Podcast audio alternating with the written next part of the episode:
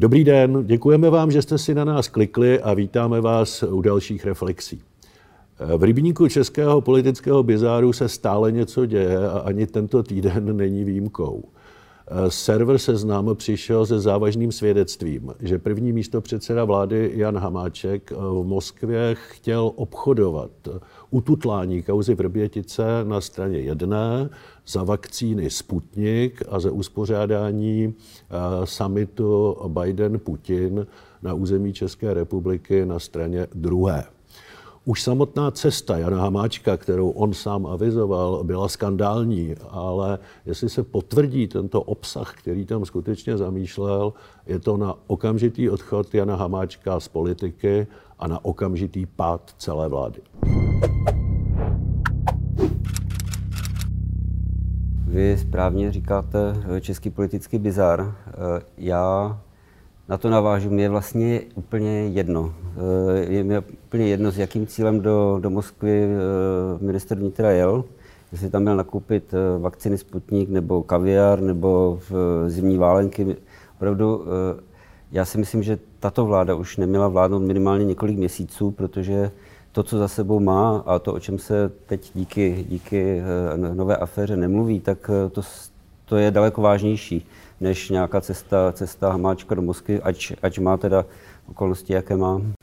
No, já bych vás doplnil svým subjektivním názorem, že tahle vláda ne, neměla vládnout nikdy a dařilo se nám mnohem, mnohem lépe, ale rozhodně neměla vládnout od té chvíle, kdy ztratila ve sněmovně většinu. A tady to je opravdu úkolem demokratické opozice. Ta vláda kupí lapsus za lapsem, selhala při řešení covidu, selhává v otázce udržitelnosti veřejných rozpočtů, v akceschopnosti státní zprávy. A teď jestli, že ještě navíc její první místo předseda chtěl obchodovat s českou bezpečností v Moskvě, no tak to je jenom další kamínek do mozaiky. Za téhle situace prostě nemá demokratická opozice podle mého názoru ani, ani morální, ani politické právo nekonat a nenaplnit své poslání, prostě poslání vyslovit té vládě nedůvěru, protože ona pravděpodobně dovládne. Ale není jedno, jestli dovládne s důvěrou sněmovny nebo bez důvěry. A v zásadě každý poslanec, který té vládě chce tu důvěru ponechat, tak na sebe přebírá odpovědnost za její kroky i za to, co chtěl dělat Jan Hamáček v Moskvě. Eh, v, v kauze, v kauze Jan Hamáček a Moskva se hodně mluví o roli tajných služeb českých, eh, které odvedly, vy říkáte, dobrou práci, nebo část opozice ji chválí, bezpečnostní, bezpečnostní složky. Já tvrdím, že ano, nicméně, jestli je správné, aby, aby se ty věci ventilovaly v médiích, eh, že to může být vlastně, se může obrátit proti, proti vlastně našim zájmům. A taky mi přijde úplně, úplně normální, když, eh, když zástupci tajných služeb grillují ministra vnitra ve sněmovně. To Víte, není normální. Samozřejmě, že diplomatický konflikt hmm. s kýmkoliv, eh, i s Ruskem, není nic příjemného, ale jestliže byl skutečně spáchán teroristický čin, jiným státem na území e, našeho státu, tak to není možné nezveřejnit.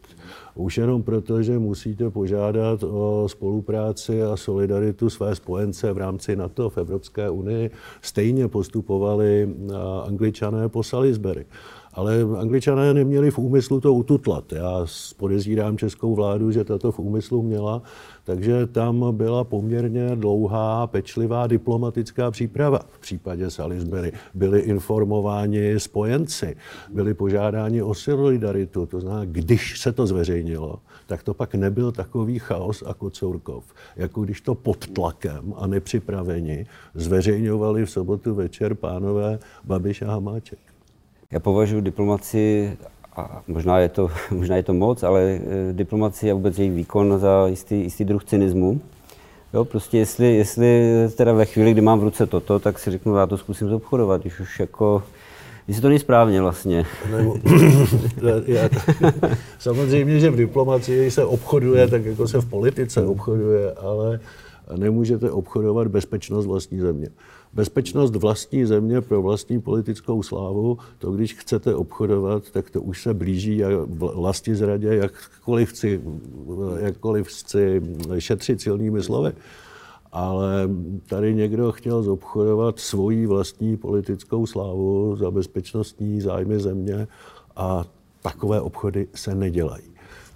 Já bych, já si teď představuju, co by se dělo, kdyby Jan Hamáček opravdu těch milion vakcín e, přivez, co by se tady dělo, kdo by se hlásil k tomu si je nechat píchnout. Ale to je už opravdu žert. K vážnější věci. Vy říkáte, e, opozice nemá ani, ani morální právo dál tuhle vládu držet. Samozřejmě bavíme se o tom vlastně permanentně od prvního dílu našeho pořadu. Nicméně, předseda silné, silné opoziční strany byl minulý týden u prezidenta Eh, když se vrátil eh, od prezidenta, tak spochybnil možnost, že by Piráti a stan hlasovali hlasování pro vyslovení nedůvěry, nedůvěry vládě. Eh, já mám pocit, že tam na, na hradě k tomu obchodu došlo a že, že k pádu vlády nedojde. No, co si tam ty pánové řekli, to vědí jenom my dva. Já jsem slyšel pana předsedu Bartoše, jak říká, že diskutovali s prezidentem republiky o testech do škol tak to opravdu není agenda pro diskuzi předsedy parlamentní strany s hlavou státu. Zcela jistě tam mluvili o něčem jiném. O čem to mohou být pouze eh, spekulace.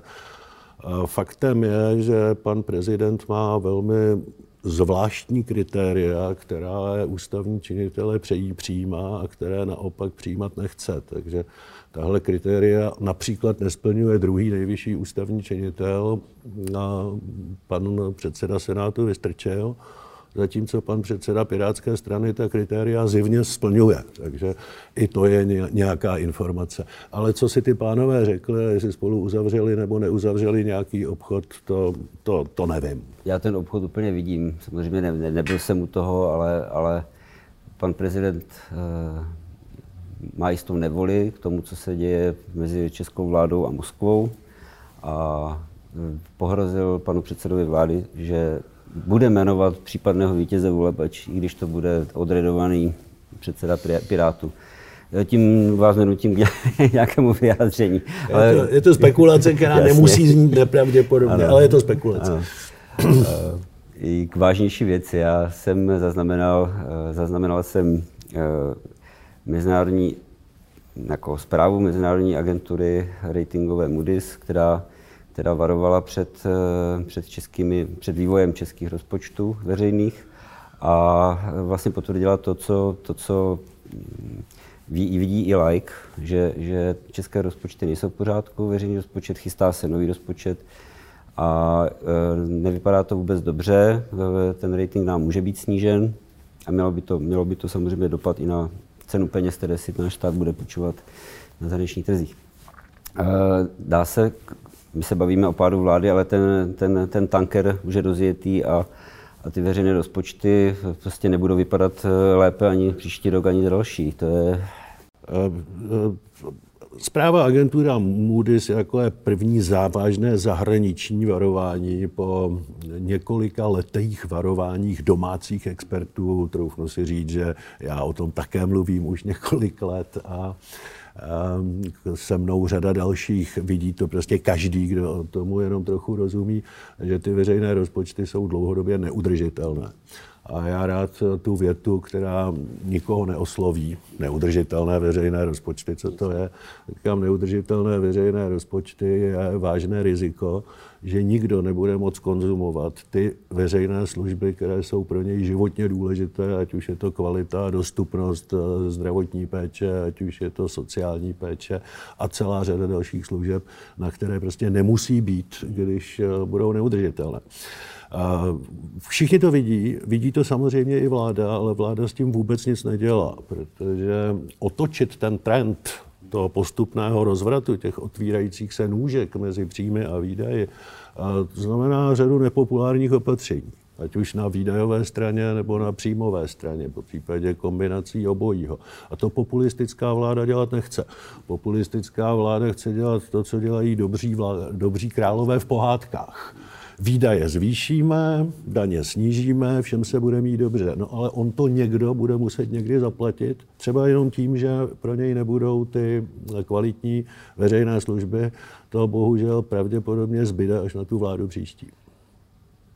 Mandatorní výdaje jsou ze zákona, ty se, ne, ty se nedají škrtnout.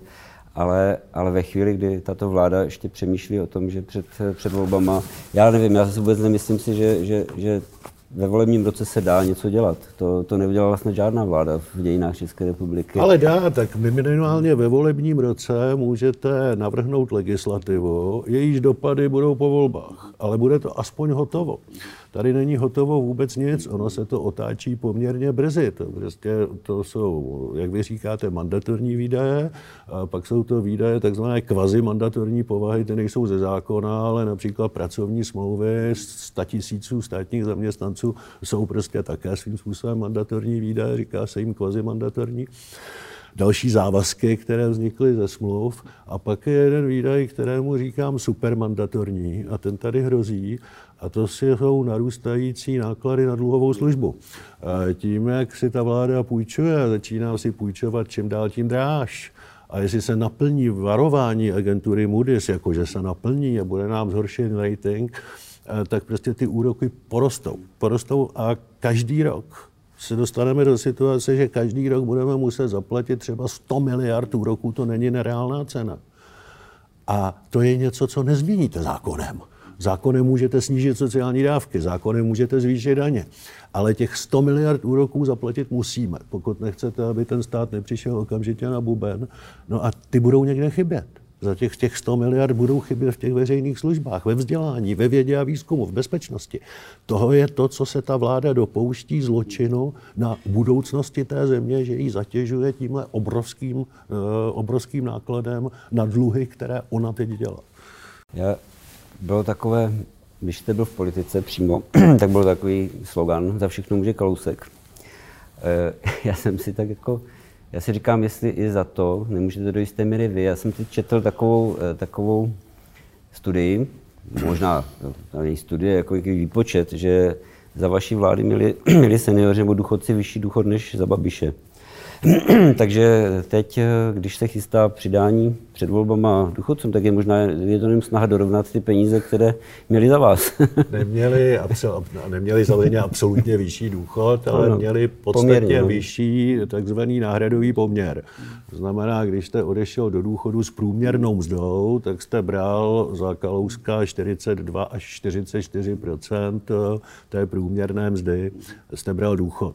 Dneska už je to po 40 No a pokud se nic neudělá s penzijní reformou, tak ten poměr dál bude klesat, to je zřejmé.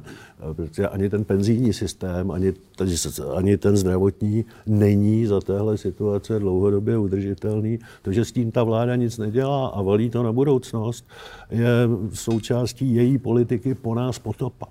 Víte, já se tady bojím jedné věci, protože tohle se bude muset dát do pořádku. A zůstává to až na tu příští vládu.